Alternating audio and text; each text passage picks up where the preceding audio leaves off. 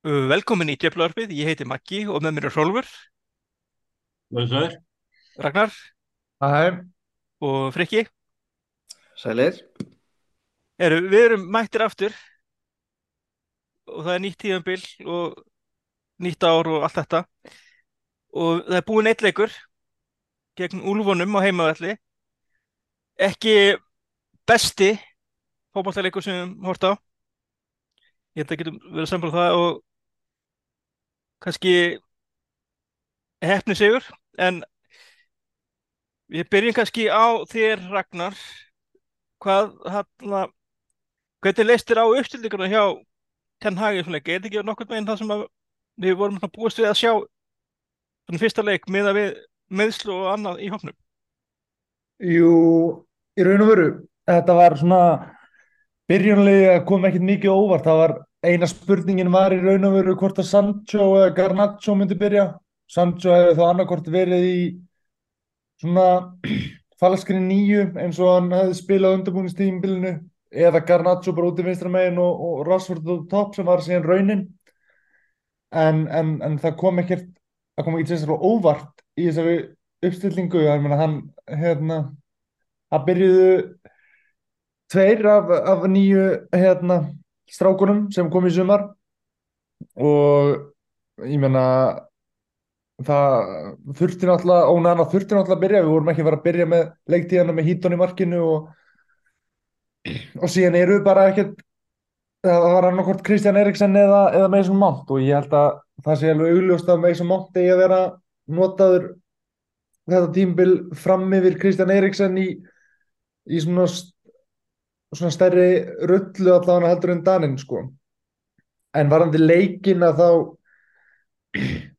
þá var þetta eins og seg, sagðir í byrjun mjög slaft þetta, þetta, þetta var og sérstaklega eftir að hafa beðið heila helgi eftir eftir United-leiknum búin búin að horfa á hérna nokkra aðra leiki og búin að býða eftir í ennska deildin byrji og, og þurfa að býða ennþá lengur eftir United-leiknum að þá var það mjög svona deprimerandi að, fylgjast með þessum leik. Bara United gáttu voða lítið í þessum leik og hérna og mér fannst skal, veist, fólk getur alveg sagt mér að, að þetta sé svona tak, ta, taktíkin hjá Erik Ten Hag hafi verið lélega fyrir hann leik og við séum of opnir á miðsvæðinu og, og Casemiro sé látin vera í einn með fjóra vúlsmenn alltaf á miðunni en mér fannst bara leikformið hjá United leikmannum vera talsvert minna heldur en, en, en hjá Wolves. Allar sendingar voru frekar lélegar og ef að sendingin hefnaðist þá var fyrsta toucha mönnum ræðilegt og einhvern veginn bara seinir í alla bolta og eftir vúlsleikmannum og bara eiginlega engin kraftur þannig að já, ég ætla að vona að þetta sé meira leikform heldur en taktík og ætla ekki að fara að dæma strax um það hvort að þessi taktík hjá Erik Ten Hag sé vondest sko góð fyrir en, fyrir en ég get ekki lengur hérna borið fyrir mér að þetta sé leikform sko. Nei, einmitt mjög góðu punktur og hérna talandi um, um taktíkina þá var hérna Luxjó sem að venjulega er látin overlappa með Rashford út á kanti var látin svona að fara inn á miðjuna sem bara var einhvern veginn enga veginn að virka. Það eina sem gerðist var að, að, að þú veist það er fremstu þrýr bara einangaðust og en svo reyndar voru þeir hérna vorulega lítið í að pressa á Van Bissaka þegar hann fekk boltan hann að það var oft, maður sá það oft þegar að og Nana fær boltan að það er hérna, hann finnur það er búið að loka á alla nema að hann finnur hérna Van Bissaka alltaf í lausan sko því að, að það er náttúrulega úlstýta þann sem slakast að mann á bolta og svona. Já, það kom í í bæti á þeim samt. Það er mitt Skilja hann eftir. En hann er einmitt búin að bæta þetta hjá sér mjög mikið, hann heldur boltanum betur og er svona örugari Já, já, algjörlega sko og ég meina, jú, já, Sjó reyndar kom oft inn á miðju og, og Lísandro Martínez kom þarna upp hérna líka inn á, inn, inn á miðjuna og og, og, og reyndar svona skipti við Luxjó sem Þeir hafa reynda gert það oft, það Já. gerðu það oft í fyrra líka, að þá var svona dró, dróðan sæðans út vinstra meina því að ég held að pælingin hafi verið sko að, að, að mynda svona back three í rauninni, þú veist þá Martínez út í vinstra megin var hann hérna í svípernum og, og svo sennilega Van Bissaka hérna hægra megin, aðeins aftar, en það sem myndi kannski útskýra áhugan á Pavard hjá já, Bayern upp á, veist, þetta er það sem ætlar að spila auto possession að, að þú getur þá verið með mann sem að getur tekið bæði miðver og bakverð en, en það en sko náttúrulega vandamáli líka var að einmitt að, að United réði ekkert við pressuna hjá Wolves. Reynd, þú veist, þeir megan þrá eiga það Wolves, ákveðt að taka það þeir spil, þeir, þeir spilu áttu góðan leik. Þú veist, það er náttúrulega þeir, voru mjög góðir sko, ég meina ég eins og, eins og ég segi, skilur, mér fannst þeir bara snegri og fljótari og sterkari heldur en United bara bara eða allan leikinn sko og það er einhvern veginn mér fannst líka bara undir restina United mennir vera orðnir þreyttir einhvern veginn. Ég held það sem ég held líka hafi gerst að United hafi þetta mætt í þennan leik haldið bara að það væri fólmsatrið út af því að það væri allt í rúst hjá, hjá veist, þjálfarinn fæði reyn þeir eru eiginlega bara búin að selja leikmenn og eiginlega ekki búin að fá neitt að viti í staðin og, ég, og er spurning hvort, hvort mikið bara að hugafærið hafi ekki rétt en það er náttúrulega sem er náttúrulega líka náttúrulega þjálfunamál en svo náttúrulega fannst mér það sem að gerist náttúrulega er að gallin við það að hafa Rashford út fram, fremstan, sérstaklega þessum leik hann er bara algjörlega tindur hann er ekki, veist, verð, hann verður að vera í boltanum. Hann er, þú veist, hann og Bruno eru svona mest skapandi leikmennin okkar þegar að Eriksen er ekki inn á. Já og, og hérna. Og mér fannst þarna og Mason Mount svona, þarna, fannst mér eiga bara fína leik með stöðuna sem hann spila mér, fannst, og, mér, mér finnst ósangjönd að vera að, að hérna taka með svo mátt út fyrir svig og segja hann að vera liðlug ég meina allt, allt United liðlug var, var bara allt United lið var bara liðlegt. Já, ég, það sem að var sérstaklega líðalegt fannst mér, mér fannst Garnaccio skelfilegur í svona leik. Já, Garnaccio og, og, og Antoni sennilega spila sinn slakasta United leik. þú Já, mér, mér fannst samt einhvern veginn Antoni allavega þú veist hann, er alltaf, hann, hann hleypur alltaf bara rosa mikið sko. eða þú veist einhvern veginn hann, mér finnst hann alltaf vera að að gera eitthvað sko.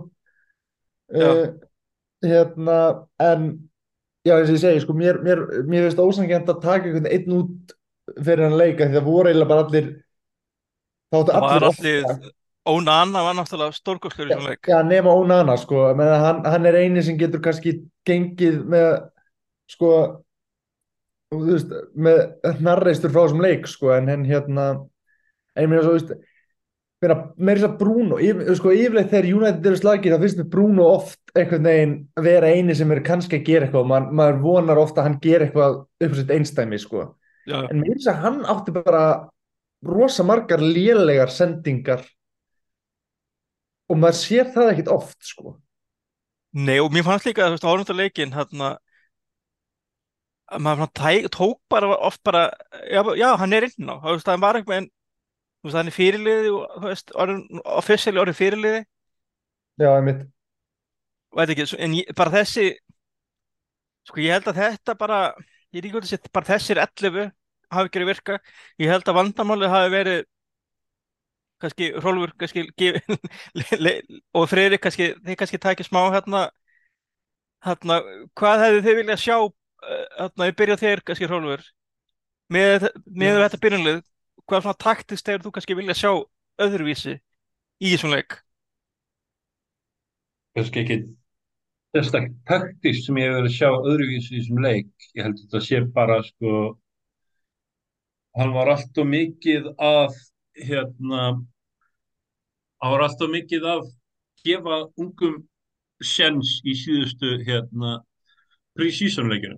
Ég held þetta bara að þeim vantaði spilatíma saman þetta lið og þetta er bara eitt af því sem að kemur með tímanum að þeir þurfa bara að spila meira saman og svona eins, já, eins og með Luke Shaw að fara hérna, í þetta nýja hlutverk og hann þarf bara að læra betur inn á það og Mason Mount þarf að komast almennilega inn í liðið og svona vita hvað hann á að gera og eitthvað.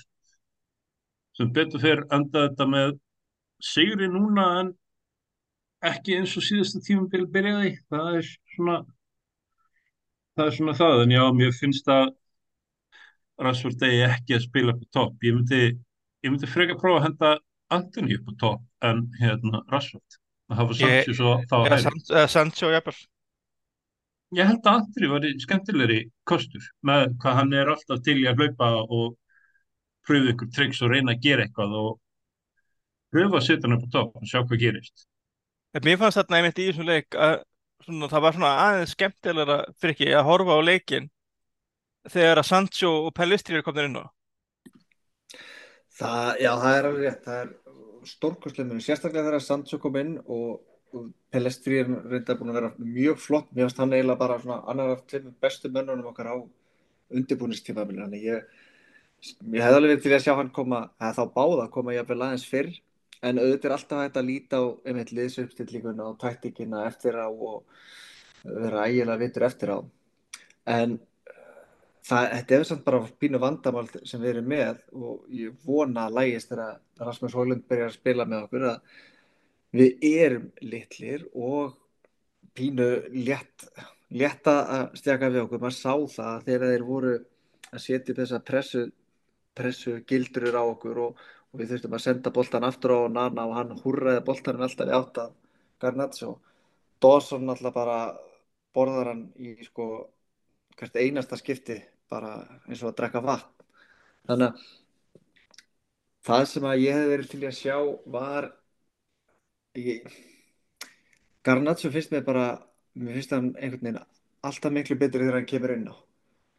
Og ég skil ekki hvers vegna Erik Ten Hag var að tilraunast svona mikið með Sancho í falskrinni en, en gefur hann svo ekki séns uh, í, í þessum leik, ekki fyrir hvað kom hann inn á?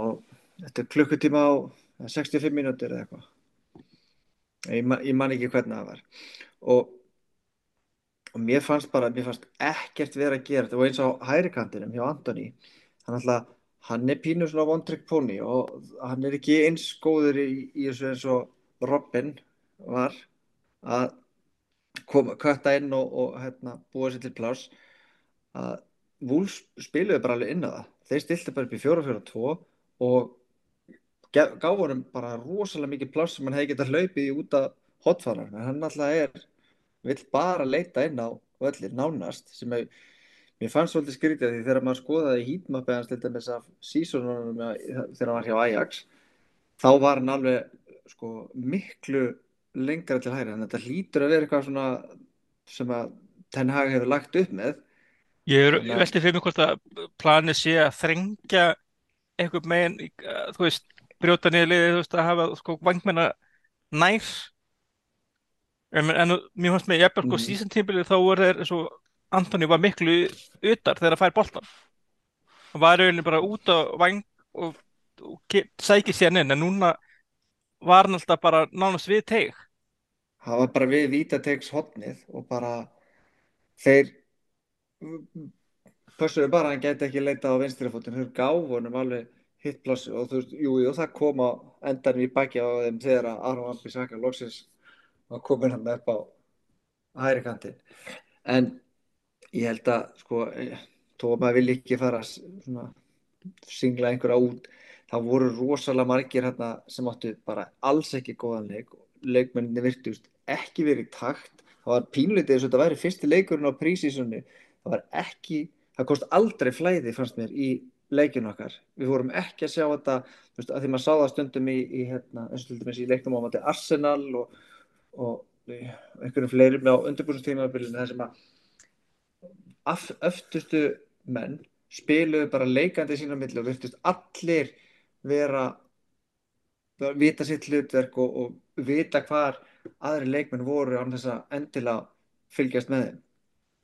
Þarna fannst mér bara eins og við komum inn á sendingarna voru á skrýtnu tempói uh, menn voru með lélegt touch og boltið, það var, það var rosalega auðvelt að stjórna því hvert hvar United var með boltan Þetta er reyndar eitt, svona, því kannski, kannski beinti vatna er að það var alveg grænjandi rigning, vettinu var alveg rennandi blöytur. Þannig að það hefur, ekki maður náttúrulega nota það sem afsökul endilega, en maður tók alveg eftir því hérna að leikmenn áttu erfitt með að svona, veist, bæði liðin átturinn ekkert vola öll með að spila boltanum. Þannig ég veldi fyrir sko, hvort að það, það spili eppil inn í upp á tempó. Að það kannski rugglustu tempón ef að völlurinn, að Old Trafford er oft ekkert æðslur völlur en maður myndi samt halda eitthvað við fyrsta leikin en blöytur völlur er, er þingri mm. það er, en við ættum nú að vera pínu vannir í að, að það regni nú stundum í mannsæstir Já, það kemur til af og til En, en hérna já, já. Nei, bara það sem ég ætlaði bara að segja það er, það er kannski sko þetta var eftir á að ekki að það var þetta rosalega leiðilegu leikur sérstaklega sem fyrsti leikur tímabilsins þar sem við vorum búin að langt flesti stöðnismenn búin að hlakka til og, mikil spenna búin að byggjast upp hjá mörgum. Og þetta var rosalega lélegur endir á þeirri spennu. Þetta var, hérna, skilgrinningin á svona anti-climax. Algjörlega. Og þú veist það er, segir sitt að eftirminnilegustu eh, eftirminnilegustu leikminninir eru Onana og, og kannski Emmitt Sandsson þegar hann kom inn á sem að mér fannst alveg eiginlega gjörbreyta svona já bara bara attitútin inn á vellinu og mér fannst það vanta svolítið frá Bruno. Þetta er svona fyrsti leikurinn sem aðalkaftin eða sem sko skræðarkaftin og já. og mér fannst það einhvern veginn tindur og mér fannst þau fáir vera jafn litlu syngi hann reyndi fyrirgjöf eftir fyrirgjöf og þetta var allt saman eitthvað svona bara meh, það er eiginlega besta orðið þetta. En leikurinn vannst, maður, maður fyndi við töl það, það, það, það var öfnur leikur alltaf en þeir unnu leikin og maður líður eins og það er að tapa á það Ég held ég aldrei verið ég held ég aldrei verið svona svona vindlaus eitthvað með henn eftir sigurleik. Það er þetta vel orðið komist. Þetta, er, þetta var leikur sem að hefði á vennilegum degi ekki átt að vinnast. Nei. við hefðum ekki átt að lappa með þrjú stygg Nei og hérna og síðan Hrólfur sko. áður við klárum alveg hérna umrunleiki það eru tvö atviki leiknum sem voru umdelt, annað umdeltar en hitt en bæði liðin fannst þau að tilkallir vítaspilnu og það er náttúrulega er hendin í fyrirhállug og svo og Nana í setni Ertu á því að bæðiliðin eigi bara, þú veist, að vera sátt með það að ekki fengja sér víti og bara þeia eða aftur bæðiliðin að fá víti eða hvernig lítið þú á þetta? Ég held að sko, það hefði verið hægt að gefa víti fyrir bæði. Það verið helviti gróft að gefa víti fyrir eitt en ekki hitt. Þannig ég held að það hafi bara verið rétt að gefa víti fyrir kórugt Þetta jafnast út á karmísku sléttunni sko. Það er alveg, það er alltaf talað um það. Ég, sko ég hefði samt örglórið ansi tæpur, skulum orða það þannig að að Við höfum nú bara ofta ekki fengið víti fyrir miklu meili sakjar heldur en þetta þannig að ég er svona, ég er alveg bara, ég er alveg góður sko. Þetta er bara, þetta er bara, þetta er jöfnunin. Ég, ég var samt alveg búin að gera ráð fyrir að þeir væri að fara að stela hérna, stíi með því að fá víti þannig til lokin. En ég meina, en hérna, Gary Lineker orðaði reyndar svolítið vel hérna hvernig spilamennskunni í Wolves er að það geti ekki svona klára snakkpoka. Já. En ég meina það er ekki, það er það er fengið vítið, er ekki, þú veist, hver hefði tekið vítið? Nefnir sem farin, Moutinho er ekki þetta lengur. Og hinn er hérna áttu að skel, sko, þau færi sem fengu voru alveg bara skelvilega illa kláruð á, sko, ef við hefum verið að spila við betra lið þá hefði þessi leikur farið 3-1 eða eitthvað. Það er ég alveg handvissum sko, af því að færi sem þeir fengu voru, já, maður, Ónana átti mjög góðan leik. Þeir, það hjálpaði okkur eins og með kunni að hann, hann er næðir hann í gegn en, en það sem betur fyrir okkur þá tók hann alltaf sendinguna aðeins og seint þannig að þeir þurftu alltaf að reyna að sko, sko framhjá einu með tveimum varnamönnum í, sta, í staðin fyrir að losna í gegn sko Við vorum bara, við sluppum með skrekkin og það er eiginlega ekkert hægt að segja annað um hennar leik sko. Bara Nei, við höldum áfram og það er nýr leikur um helgina og, og við vinnum hann ekki ef við spilum eins illa. Nei, en það er náttúrulega lið, annað lið sem er svona í transition er að vantar mynd ansum eða stærri breyting á þeim heldur en okkur bara hinum einu á vellinum Hann með þetta hversu lélugur Richarlison er að setja boltinn í netið sko. Já, hann getur alveg tekið þessi hlutverk hérna Markus Kúnja hérna á, á lögudaginn ég veit hann er ekki með sonn það er kannski annar vandamál. Já, reyndar. En hann já, þetta var en það kannski hann Ragnar hann eitt svona bara að loku með leikin er, ég held kannski eitt af því sem að gerist náttúrulega með Wolves er náttúrulega að allir að tala um bara sem þeir séu að leiðir niður. Það má ekki gleyma þú veist, þeir eru ekki með léri, ekkert endilega með litt lélegan hóp. Þeir eru alveg með góða leikmenn. Og svo líka þegar allir eru með svona gegn þeim eitthvað meginn og þá býrðu til eitthvað svona seats mentality og svo er þeir að mæta Old Trafford og er náttúrulega byggar leikjar form svona, þetta að tala um að mörg lið mæta Old Trafford eins og sé fara að spila í byggarúslutum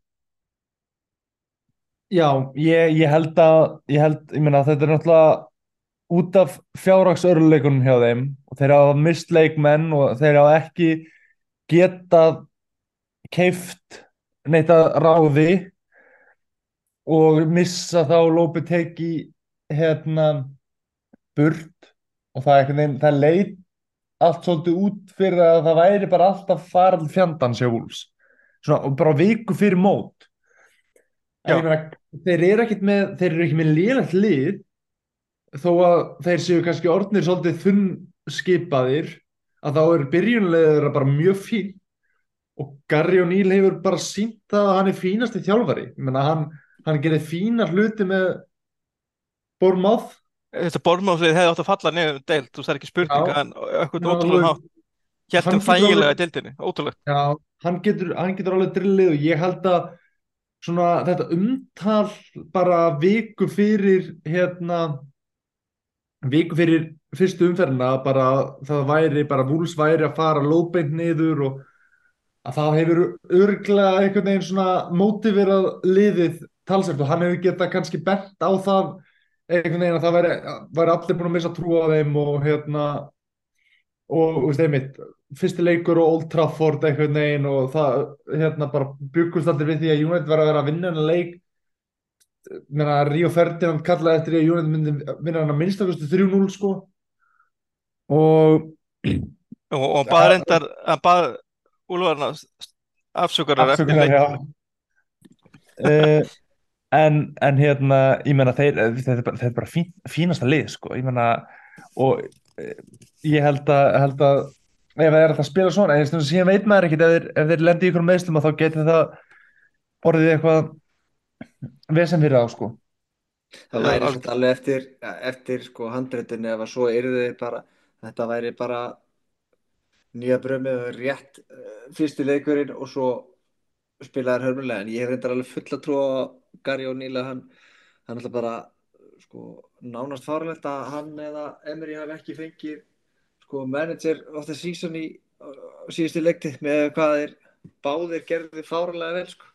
En að, þú breytir ekki þú gjör breytir ekki einhverjum klúb á þrejum dögum og, og Wolves voru náttúrulega arfa, arfa slagir í fyrra og mistu einmitt eins og töluðum um alveg líki leikmenn. Þannig að á blaði þá leytið út eins og svona já, 3-4-0 og málið bara steint aukt ég held að er líka bara- farið inn í leikin með það hugafar og Nei, þeir náttúrulega fara bara inn í leikin með enga pressu.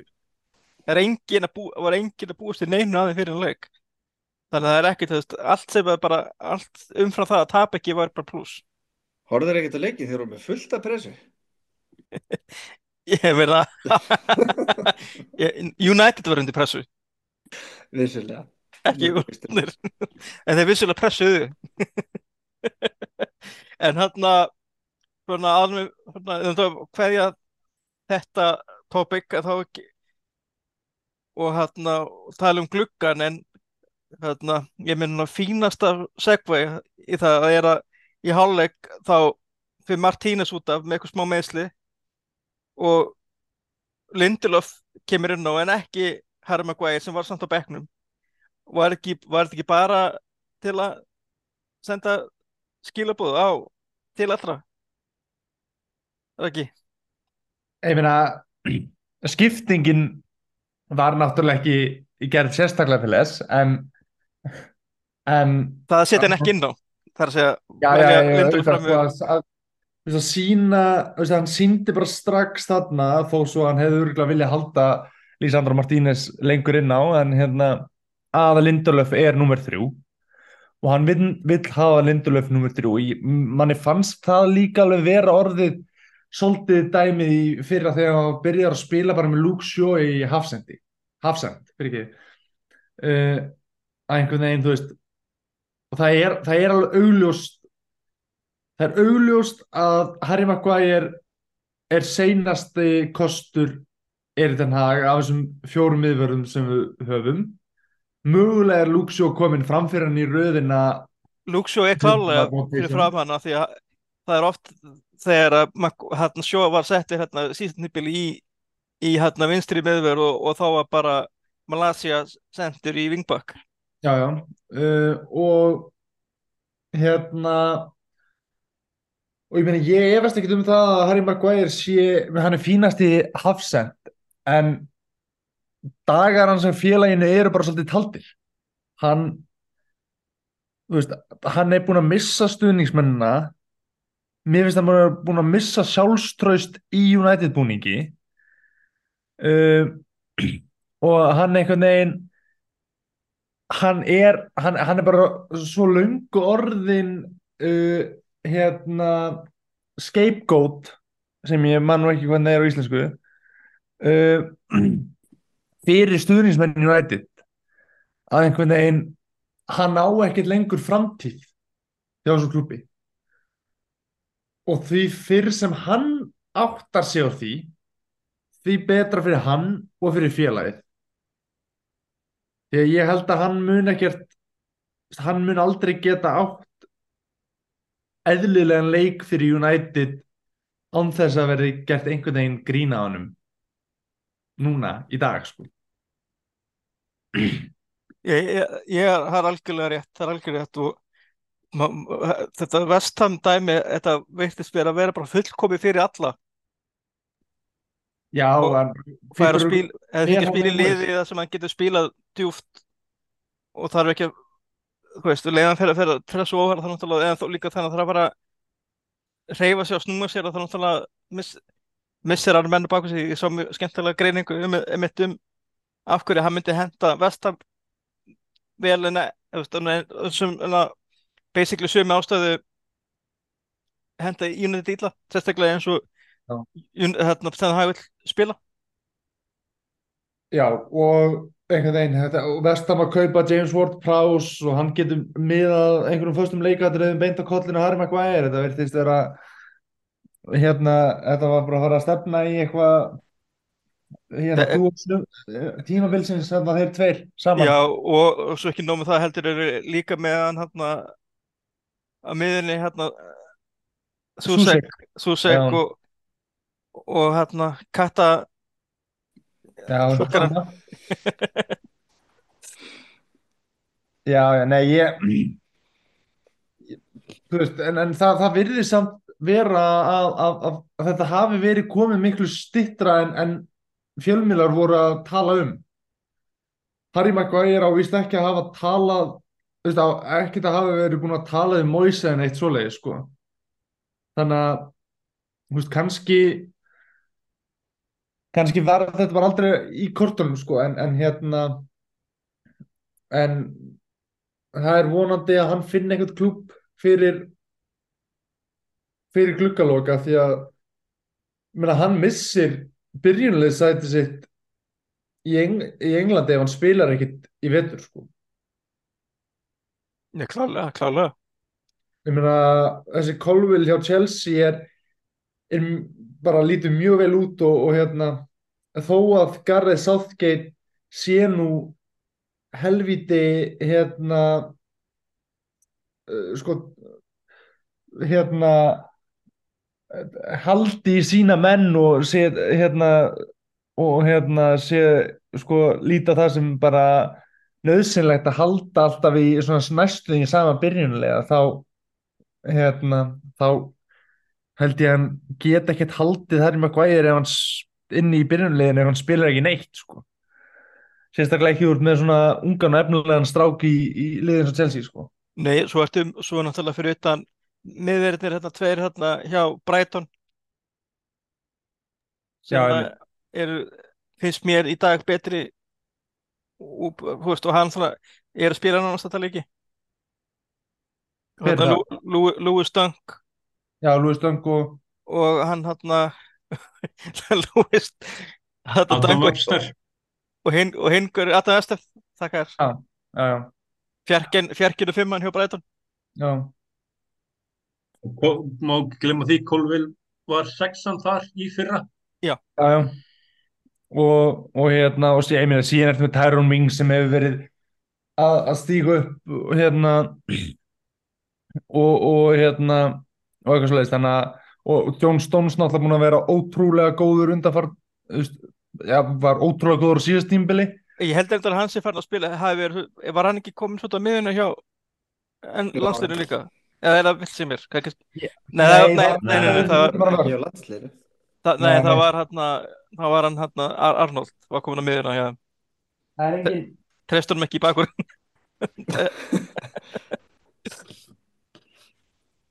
Já, já, hann að já, ég held að Harry Maguire að- fyrir, fyrir hans bæði fyrir hann og United þá held ég að, að, að þessi löngu orðið tímbært að, að slíta þessu sambandi og ég sá ég sá einhverja frétt um það að Harry Maguire væri líklegast að vonast eftir því að að Real Madrid myndi taka upp síman og ringi hann eftir að eitthvað myndi tá sleit crossband. Ég veit ekki hvort það er sér líklegt en ég meina Kepa fekk nú við þannig að þú veist. Kepa, já, nákvæmlega. Ég var alveg til að sjá Harry Maguire í spanska boltanum. Það væri, það væri sjón það væri reynda, þú veist, ég veit ekki það alveg það væri pingu fyndi og hann myndi vinna ef þau myndi vinna það- ef hann færi real og myndi vinna það líka og, og missa þetta svo frábæla sem það er sigumarkið svo frábæla sem það ekki hérna City eða PSG þá. Já, já. En hérna, já, við kannski þegar við kíkjum að talandi um gluggan náttúrulega er að það er náttúrulega, við erum búin að sjá tvo af lígjumennunum að spila og og reyndar er einna hérna prísisson og ég er ekki alveg það er ekki endilega árið alveg vist með fjórða. Johnny Evans er í liðinu en er í liðinu, ég veit ekki veist, það er svona, veit ekki hvort það sé komið númer, það var eitthvað að tala um að væri komið númer og núna er hann ekki með númer. Þetta er, þetta er allt saman rosalega spennandi sko og, og svo náttúrulega Rasmus Højlund sem að snillingarnir hérna í fjölmjölunum úti vilja bera saman við við Holland af því að það er sangjant að taka bara að því að þeir eru báðu skandinavískir og nöfnin er líta, er svona er svipuð. Og þá er einmitt er, er, svo er náttúrulega al, algjörlega sangjant að bera saman ungan danska frammýra við leikmann sem er geimvera. Og er svona algjörlega svona bara svona One of a kind. one of a kind og ekki aldrei, alls ekki eitthvað sem, eitthvað sem berð alla aðra við. En það væri það bara svolítið galið. En það sem hann hefur og maður hlökkum til að sjá að tala um að að verði ekki kláfyrir gegn Liverpool er að hann er stór, hann er snöggur sterkur og hann er svolítið óslípaður þannig að þannig, en hljóma spennandi og líka ég tala ekki um með þetta eitthvað leikmann sem er helst svona tiltölu ómeittur gegnum tíðanbíl þá er það alltaf skemmtileg tilbreyting líka fyrir leikmann sem spila nýjuna. Fyrir okkur allavega. fyrir okkur.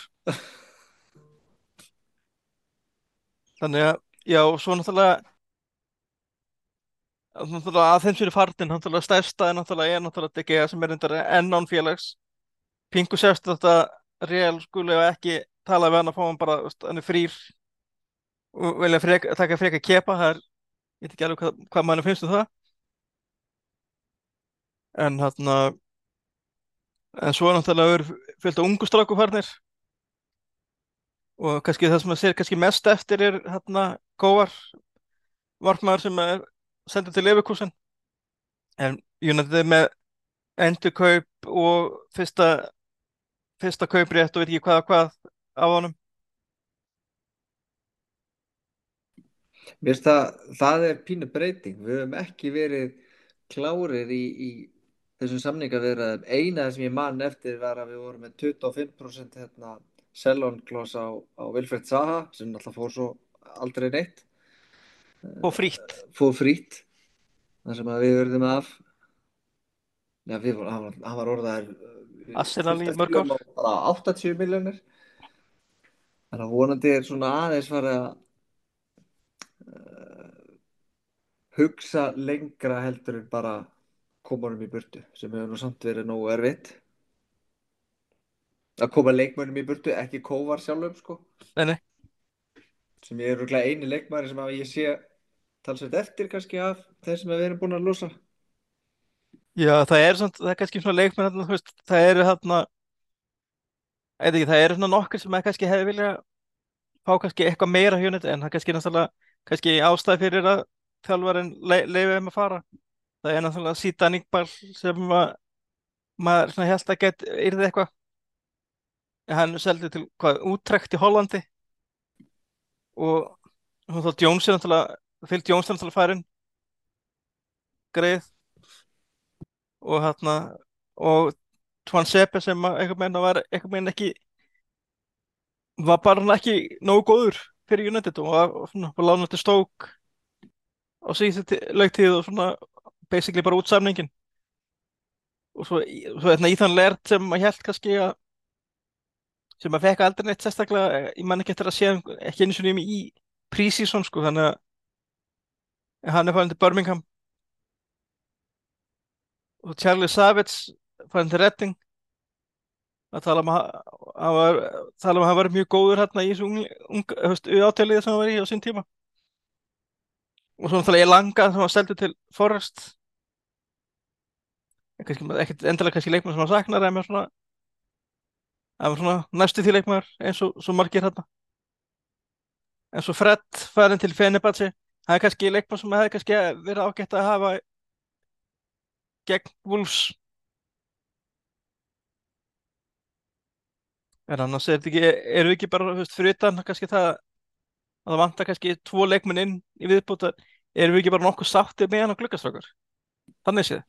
Ég, ég held að við getum ekki verið að með heldur en sáttið með svona þetta eru góð kaup en ég er alveg sammálega það vantar svona tvö nöfn í viðbútt, þrjú nöfn og þá væri maður bara að varta stórgótt uh, ánægilegt að sjá að við vorum svona aðeins farnir að hugsa framfyrir nefið okkur og, og versla þannig að menn gætu náð mögulega einhverju af prísísuninu svona, ég man ekki hvernig það gerði síðast sko. Nei, Ég var líka rosa ánægður að sjá að við vorum ekki einhverjum, við vorum ekki dregnir á asnæðirónum hérna í einhverjum eldingarleiki eins og Harry Kane. eins og Frankie de, de Jong og, og með Harry Kane og, og svona þetta var bara ok, move on og, og þú, jú, jú, Rasmus er örgla ja, Haulún eins og það er vist búið fram hann er uh, hann hefur náttúrulega örgla verið bara að hugsa sem second striker en ekki maður, ja, drengurinn sem ákoma að leysa uh, strækjarstöðun okkar 1-2 og bingo. Og það er rosalega eins og þú sagðir, þetta er rosalega ósækjart sambörður að bera saman við vélminni sem að Holland er. Og fyrir það fyrsta það var hann alltaf líka sko þreymur árum yngri. Og, og, það er miklu samt, það er mjög áhugavert að sjá samt svona trajektorið á ferlinum hans hérna uh, Hólund, hann er alveg sko bara fyrir bara á þessu síðustu tveimur ég held að þessi tveimur og hálfu sísoni þá er hann gjössalega búin að sko, skjótast upp og núna við erum náttúrulega, það rosalega gott að við höfum náða festa þessi kaup þó að ég, mér hafi fundist þetta að vera fáralegt fáralega hátt verð með að við svona hvað maður bjóst við í fyrstu. En það sem að mér finnst líka búið að vera enginn að þennan glugga er að við erum að taka inn leikmenn sem að aðri klúpar vilja. Mason Mount, það voru fullt af klúpum á eftir honum, meðal annars Liverpool og ég man að hann var einhvern tíma orðaður á Arsenal og, og hérna og eins með Onana hann var orðaður við Chelsea og einhverja fleiri klúpa veist, það er langt síðan ég man eftir því að við höfum verið að taka leikmennina og ekki verið að yfirbjóða einhverja veist, þetta er ekki eins og með Maguire, ég meina City bauð held í 70 miljónur á sínum tíma við fengum bara því að við bauðum 80 miljónir þú veist það var engin keppni samkeppni um veist við fengum Sanchez að því að það var engin annar tilbúin að greiða þessi laun. Veist, við höfum verið að borga bara eins og við séum eins og séum að Katar hafi verið búin að kaupa okkur á þeim tíma. Og, og það var eina leiðin til að fá leikmenn til okkar. Núna en, svona, gerði, sem gerði líka að gerði, sorry, ekki, en svo gerði það líka að það verkum að það losaði í byrtu var nánast ómögulegt. Nákvæmlega, sem við erum enna súpa svolítið það af.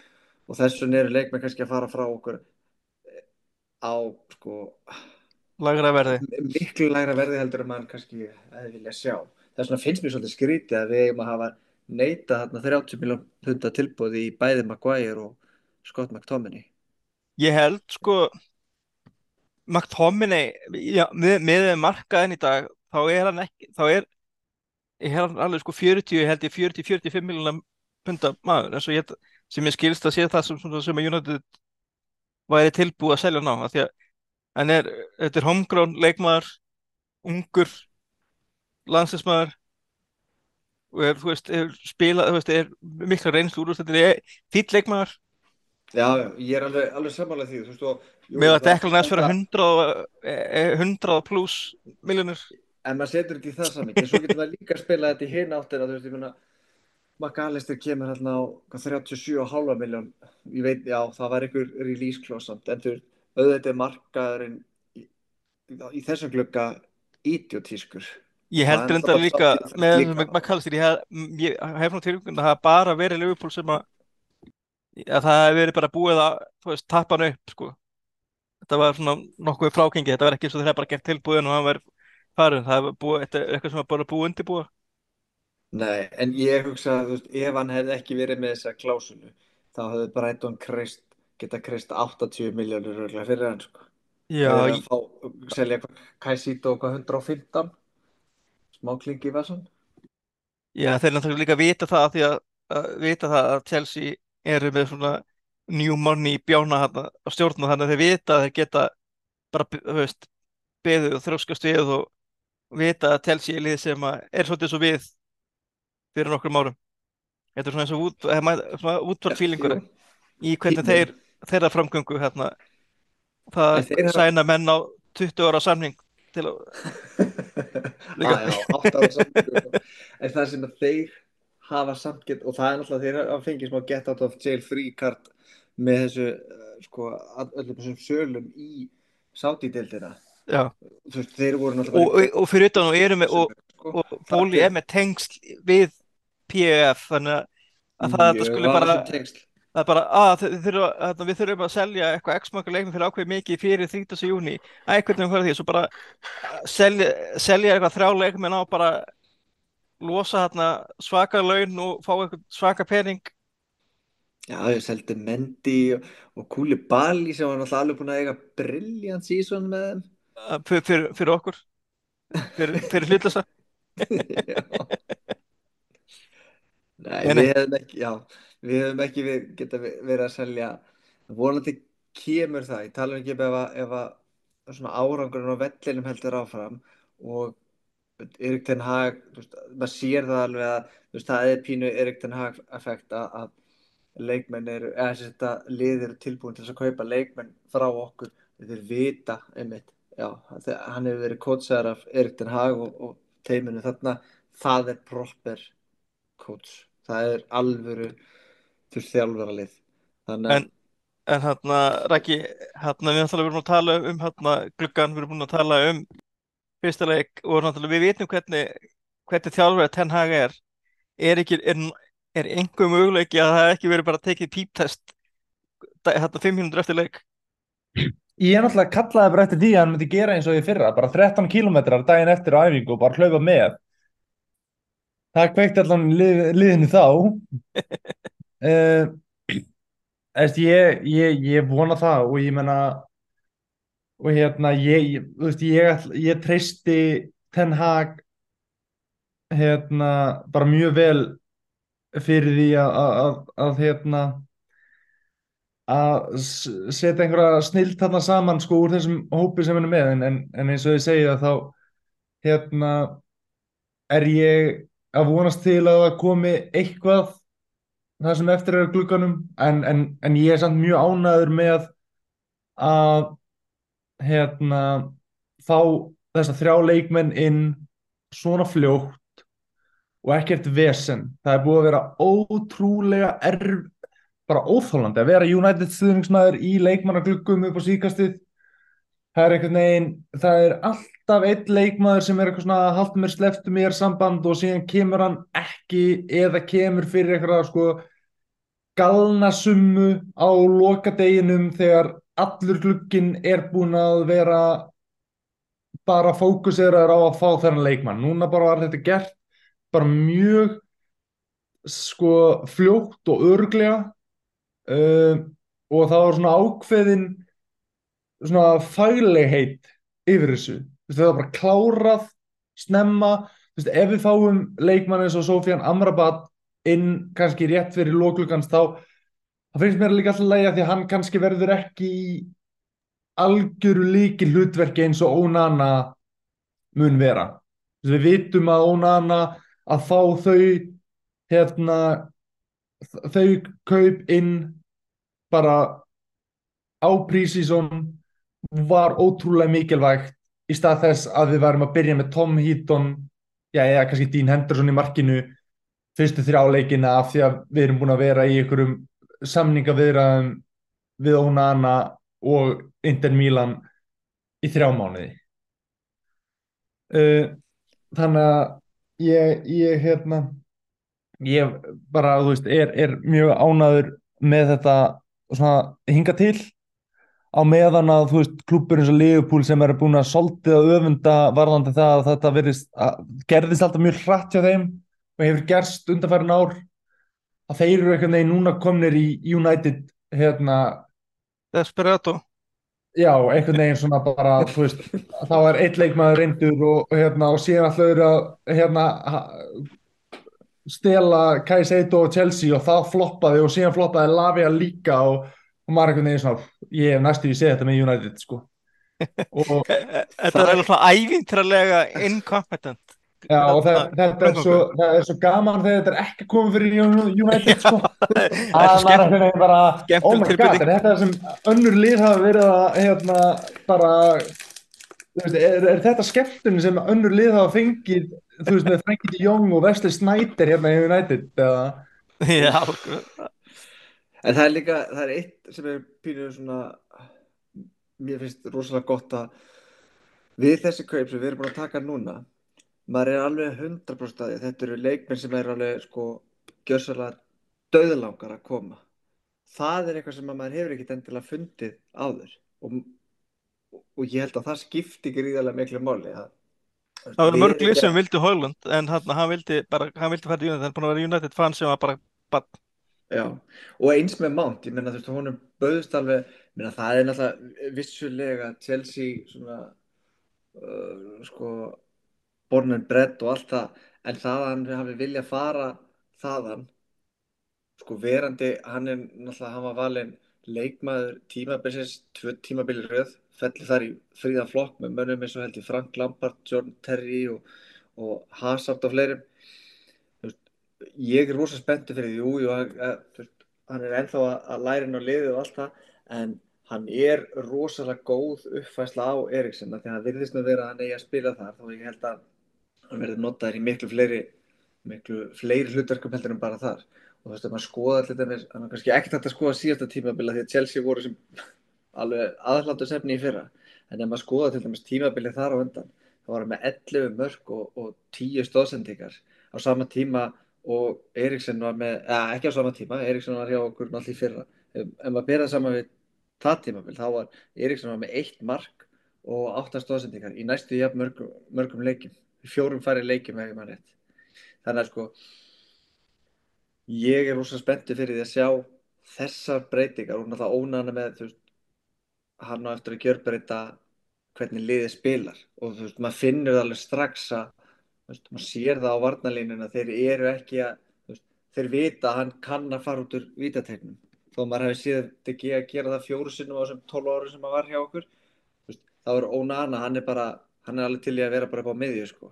og það held ég eftir að, að jú, jú, kosti okkur eitthvað mörg þá líka eftir að gjörbreyta í hvernig við náum að spila og, og maður sáða alveg hvernig til dæmis Pep talaði um það að hvað að vera erfitt að pressa svona lið sem spilaði með markmann eiginlega elli útileikmenn eins og þeir gerði þarna fyrir úslutaleikin í meistaradeldinni þannig að það er alveg margt sem maður getur mjög spenntið fyrir en okkur vantar kannski tvo hausa í viðbútt og í talningum ef við getum losnað við Maguire líka og Bæi, hann er ennþá ekki alveg farin hann er að veist, já það, hann er ekki mikið að fara fyrir mér. Maguire er meira fyrir mér af því að veist, ég held andjóks eitthvað með að Bæi gæti þú veist, eftir, ef hann er það eitthvað með hann áfram það myndi eitthvað með hann slýsast þannig til að, hann myndi actually held ég vera betri held Maguire að borguleiti alveg potið Ég minna, hvaða land er við fengið hjólusspyrnu frá meðverðunum okkar?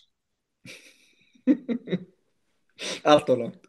En hvað, en hvað segir það líka bara um, um stöðu, svona við kláðum þenn, þetta, hvað segir það eiginlega um stöðu Harry Maguire eða hjá okkur allavega að ég til dæmis er eitthvað meira, meira spenntið fyrir því að, að sjá Johnny Evans spila aftur þegar ég nefndi heldur en nokkur tíman Harry Maguire?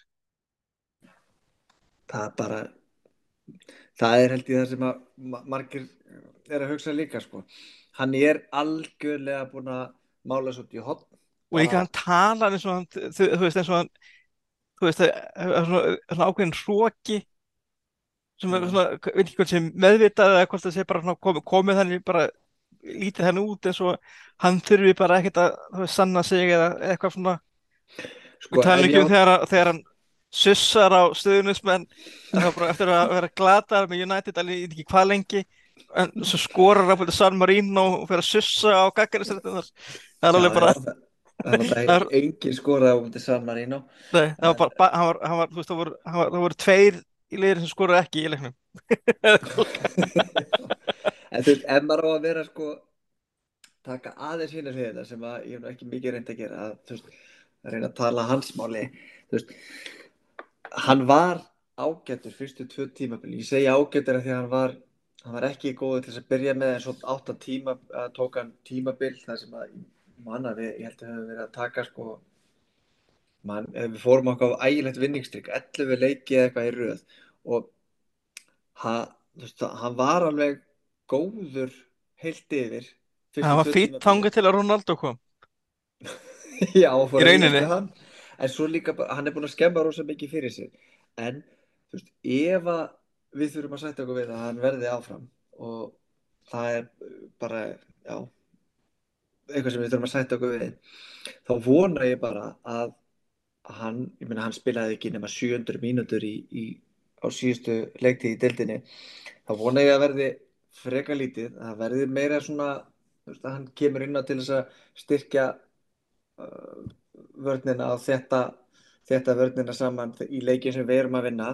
Spila líka upp leiki kannski?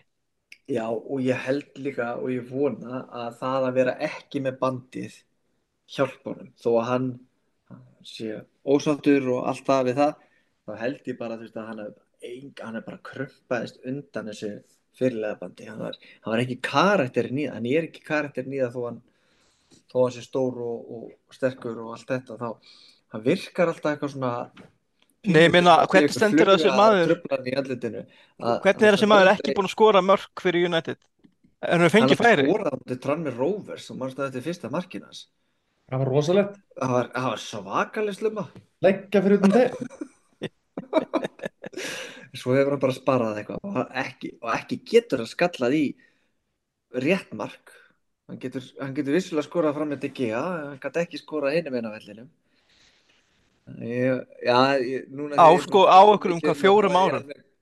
Já, vissulega. Þú veist, hann er búið, er ekki svona að vera hérna bara eitt ár eða eitthvað, en, en þetta telja fingum annar hand og öll, öll mörg sem hann hefur skorað fyrir United. Það er sennilega eitthvað þrjú. Eða það er svona í, í svona, í, en svona, kannski er það meira, en, en mann finnst eitthvað minn eins og sé bara svona þess að þrjú mörg. Það er kannski 23 sem að mann eftir. Já. Og það, og eitt af þeir náttúrulega ekki skallamark einu sinni. Nei. En allavega, þá er hérna, áður samt áður en við hérna kveðjum í þessum þætti, og þá náttúrulega verðum við að tala með hérna ákveðamál sem er leiðindamál sem er búið svona að yfirgnefa umræðan á samfélagsmiðlum núna í vikunni og það er möguleg endur koma svona grínmút í liðið sem er eitthvað það bara það tóndaufasta og ósmekklegasta og óvarfælnislegasta sem maður getur ímyndað sér í rauninni ekki þarna og kannski bara Hrólfur kannski gefið þér nokkra smá bara gefið þér bara gólfið aðeins lefa þér Já, ok, já, já. Menna, sorry ég ætla ekki að koma þessu inn á yfir á þig nei, nei, en bara, bara- bara kannski byrja þér bara þú veist, ef þú vilt segja eitthvað og þá bara endilega byrja, byrja að segja eitthvað sem að reyna að halda eftir á þér sem að móðgiki fólk og farið fram fyrir allsaminsmörk. Það er að tala um að einstakling bara. já, já, eða einhver sem að hann náttúrulega þekktu fyrir það að vera það mörg Já, nákvæmlega, ég sá, fannst það best, ég sá það á Twitter sko þegar það var talað um það að hérna, þetta láta þær hérna Ella Tún og Mari Örps hafa einhver áhrif. Og var einhver á Twitter sá, sá ég það sko, já því að nei frá kannmaðurinn þýðir svo mikið fyrir hann. Þetta er bara sko, þetta er eins og þeir eru að býða eftir einhverjum öðrum skandal sem mun taka aðteglana frá þessu og laumunum inn eins og einhverjir algjörir fávitar. Þannig að ekkert jú, jú. Jú, jú, hann, var, hann er, var, ég veit það ekki, efnilegur leikmaður og því að það hefði verið gaman að sjá hann spila hefði hann- hefði maður vitað því að hann væri ekki þessi fáviti sem hann reyndist vera. En ég, ég verða vikinu það, ég hlusta ekki á þessu upptöku þarna sem að fór í dreifingu og varða að þessu, ég bara neitaði að gera það og afskrifa hann strax með að hvað ég sá á nú að sjá myndirnar sko, þess að afskrifa hann bara. Og það er eiginlega, það er svolítið góða punktur að þú það er eiginlega eina sem hægt er að gera er að afskrifa hann. Og maður, ef maður fyrir að velta þessu fyrir sér, hver er ástæðan fyrir að þeir eru að íhuga það að koma hann aftur inn í liði auðvitað bara því þeir sjá verðmið á honum. En ég held þeir gera sér ekki grein fyrir fyrir utan það hvað verðmiðin hefur nú örgulega rýrnað ansi hraustlega þar sem þessi leikmaður er ekki búin að spila í eitt og halvt ár að mér finnst alltaf eins og ég saði við ykkur um daginn að hérna, hvað þe- þetta eiga að heita businessmenn sem e- eiga United. Hvernig sjá þeir ekki business tapið í því að integrata hann aftur inn í og afsakið hvað ég sletti mikið Ja, að setja hann aftur inn í liðið? Að það, það fer allt á hliðina í stöðningsmannasamfélaginu og ég bara ég skil ekki hver, hver, hversu hversu jafnvel þó að hann væri 100 miljóna miljón pundar leikmaður og þeir gætu selt hann hvernig er það veist, hvernig sjá þeir ekki tapið hinnum einn Nei, fyrir utan bara svona si- siðferðislega svona bara si- siðferðislega hvernig geta þær rétt þetta fyrir sér að íhuga þetta ég er bara það hlýtur Orðlaus. að vera það hlýtur að vera bara einhver fjárhagslegur sko ávinningur af því að hitt, veist, þetta er bara PR sjálfsmorð. Þannig að veist, það hlýtur að vera eitthvað ég, ég skil ekki hvernig dæmi gengur upp hjá þeim að þetta geti komið út já, á, veist þetta kemur alltaf aldrei jákvæmt út. Það sem ég er að tala um er að, hvernig sjá þeir dæmi fyrir sér að það sé að fara þeir sé að fara að koma út í plús á einhverjum einhverjum sviðum, þeir eru náttúrulega alltaf að fara að koma út í mínus á bara siðferðslega notum og, og eins og ég segi, þetta er PR sjálfsmorð fyrir klubin en maður langar stundum að þú veist, fá að vera að fluga á vegg á svona stjórnarfundi þar sem við verðum að ræða þessa hluti til þess að heyra hversu absúrt þessi samtöl hljóta að vera. Að þetta er, þetta er held ég augljósasta og einfaldasta sko ákvörðin sem þeir hafa tekið. Og, veist, og við höfum oft rætt um þetta ef þetta væri einhver minni leikmaður. Þetta væri bara eins og ég nefndi nú í daginn Brandon Williams eða eitthvað það væri bara búið að afskrifa hann punktur og pasta Það væri búið að rifta saman. já, af því þetta er eitthvað svona vonastjarnar og þú veist það voru allir með bara buksunar í hnút yfir bara þessum potential og allt þetta að þá er einhvern veginn herðið, þá setjum við bara bara já siðferðskend okkar til hliðar og og bara gleym, reynum að láta alla gleyma þessu máli, bara draugum þetta þessa langin og svo er hann allt í henni bara mættur í trey og byrjar að spila hérna á móti Arsenal og ekkert mál. Þetta er bara absúlt hugsun sko. Já, ég er úti vel, vel sagt, ég veit ekki, er ekki eitthvað sem þú vilt bæta við, ég séum nú- nokkuð veginn allir á sömu blaðsíðari. Já, ég, ég hef kannski því að bæta við það sem Frikki og, og, og Rólur sögðu, sko, ég er bara eitthvað neginn mér, mér finnst það bara mér, mér fannst klúburinn höndla þetta vel þegar þetta kom upp fyrst. Þeir tók hann bara út úr liðinu.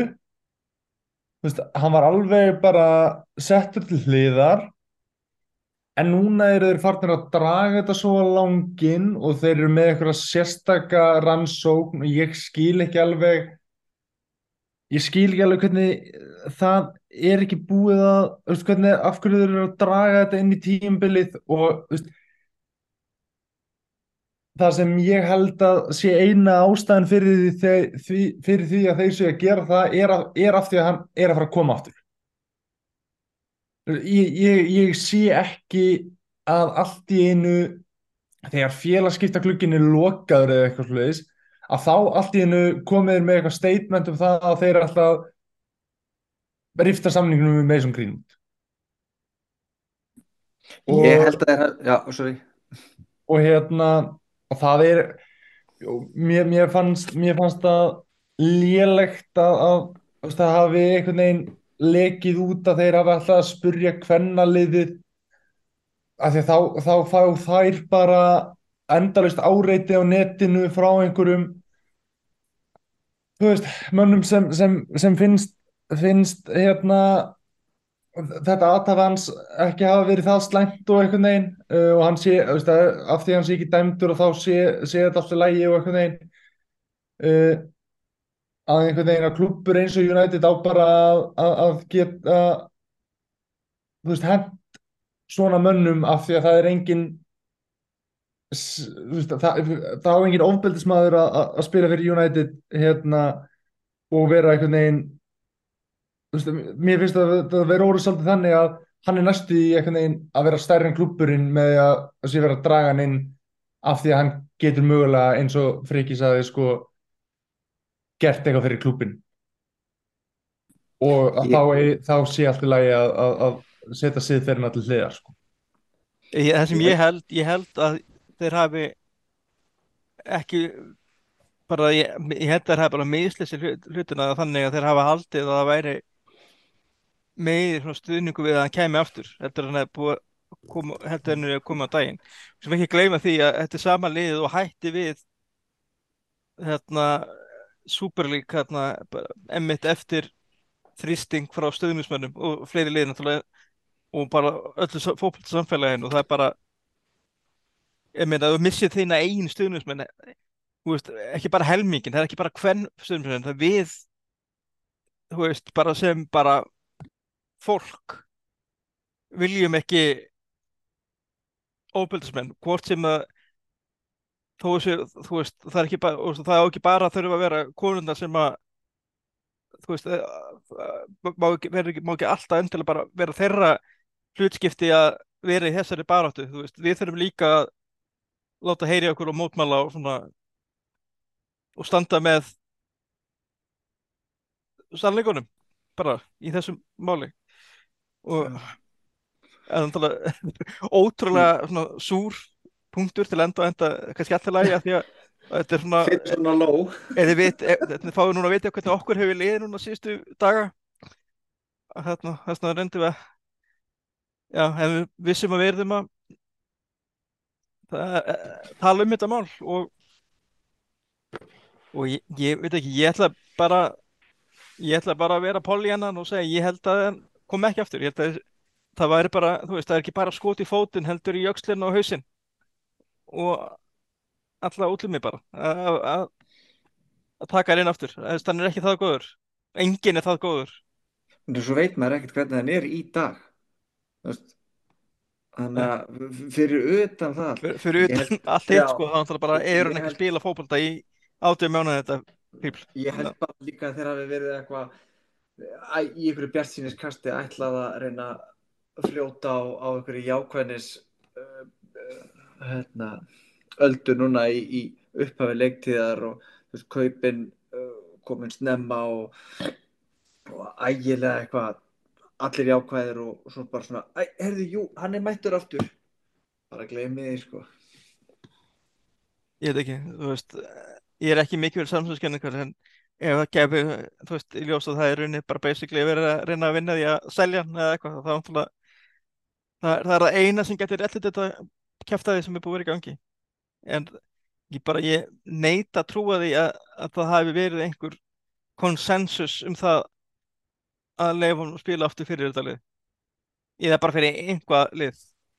En það er, þú veist, við kannski er verið okkur, við getum neitt að hafa áhrif á okkar lið, kannski við getum ekki gert það fyrir önnu lið en Nei, þeir eru samt bara búin að, liðið er búið að klúðura í hvernig það er búið að höndla þetta mál.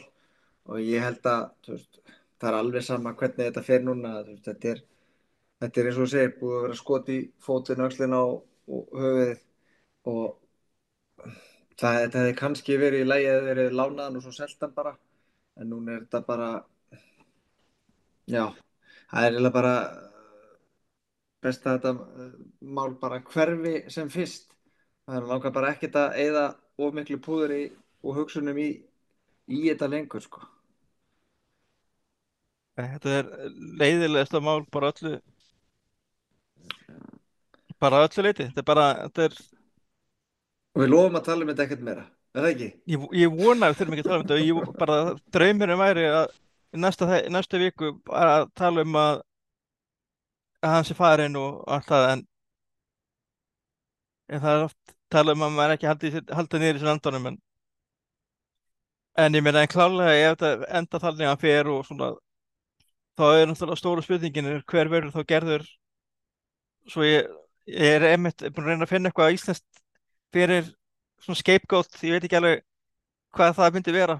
Er það fórnargeit eða ska, hérna, lausnar eitthvað, ég veit ekki bara yfir það.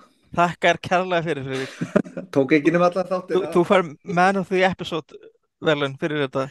Yes ég, ég veit þú hefði líka ferið svona svipaða fílu og Ronaldo þegar hann fekk ekki maður leiksins þarna í einhverjum einhverjum mikka músbyggar hann í sátt ári Strun, ég strun sátt en allavega en eru, þetta, þetta er ekki lengra núna en þetta, búið, þetta var lengra þetta er nú ætluðum en, en við bara verðum með okkur bara næstu viku.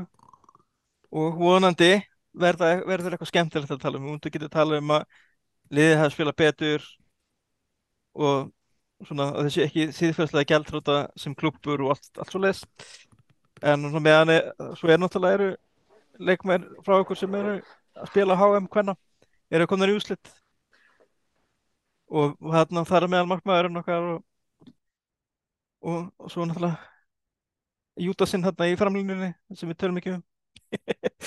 En alltaf við bara vonum bara að það er vinni spán og komið þá með eitthvað svona eitthvað winning mentality í svona heimsveistara vibe í hópi fyrir þessa tímabil en ég þakka ykkur fyrir spjallið strakkar og við sjáumst bara í næsta þætti Já, bless, bless. Takk.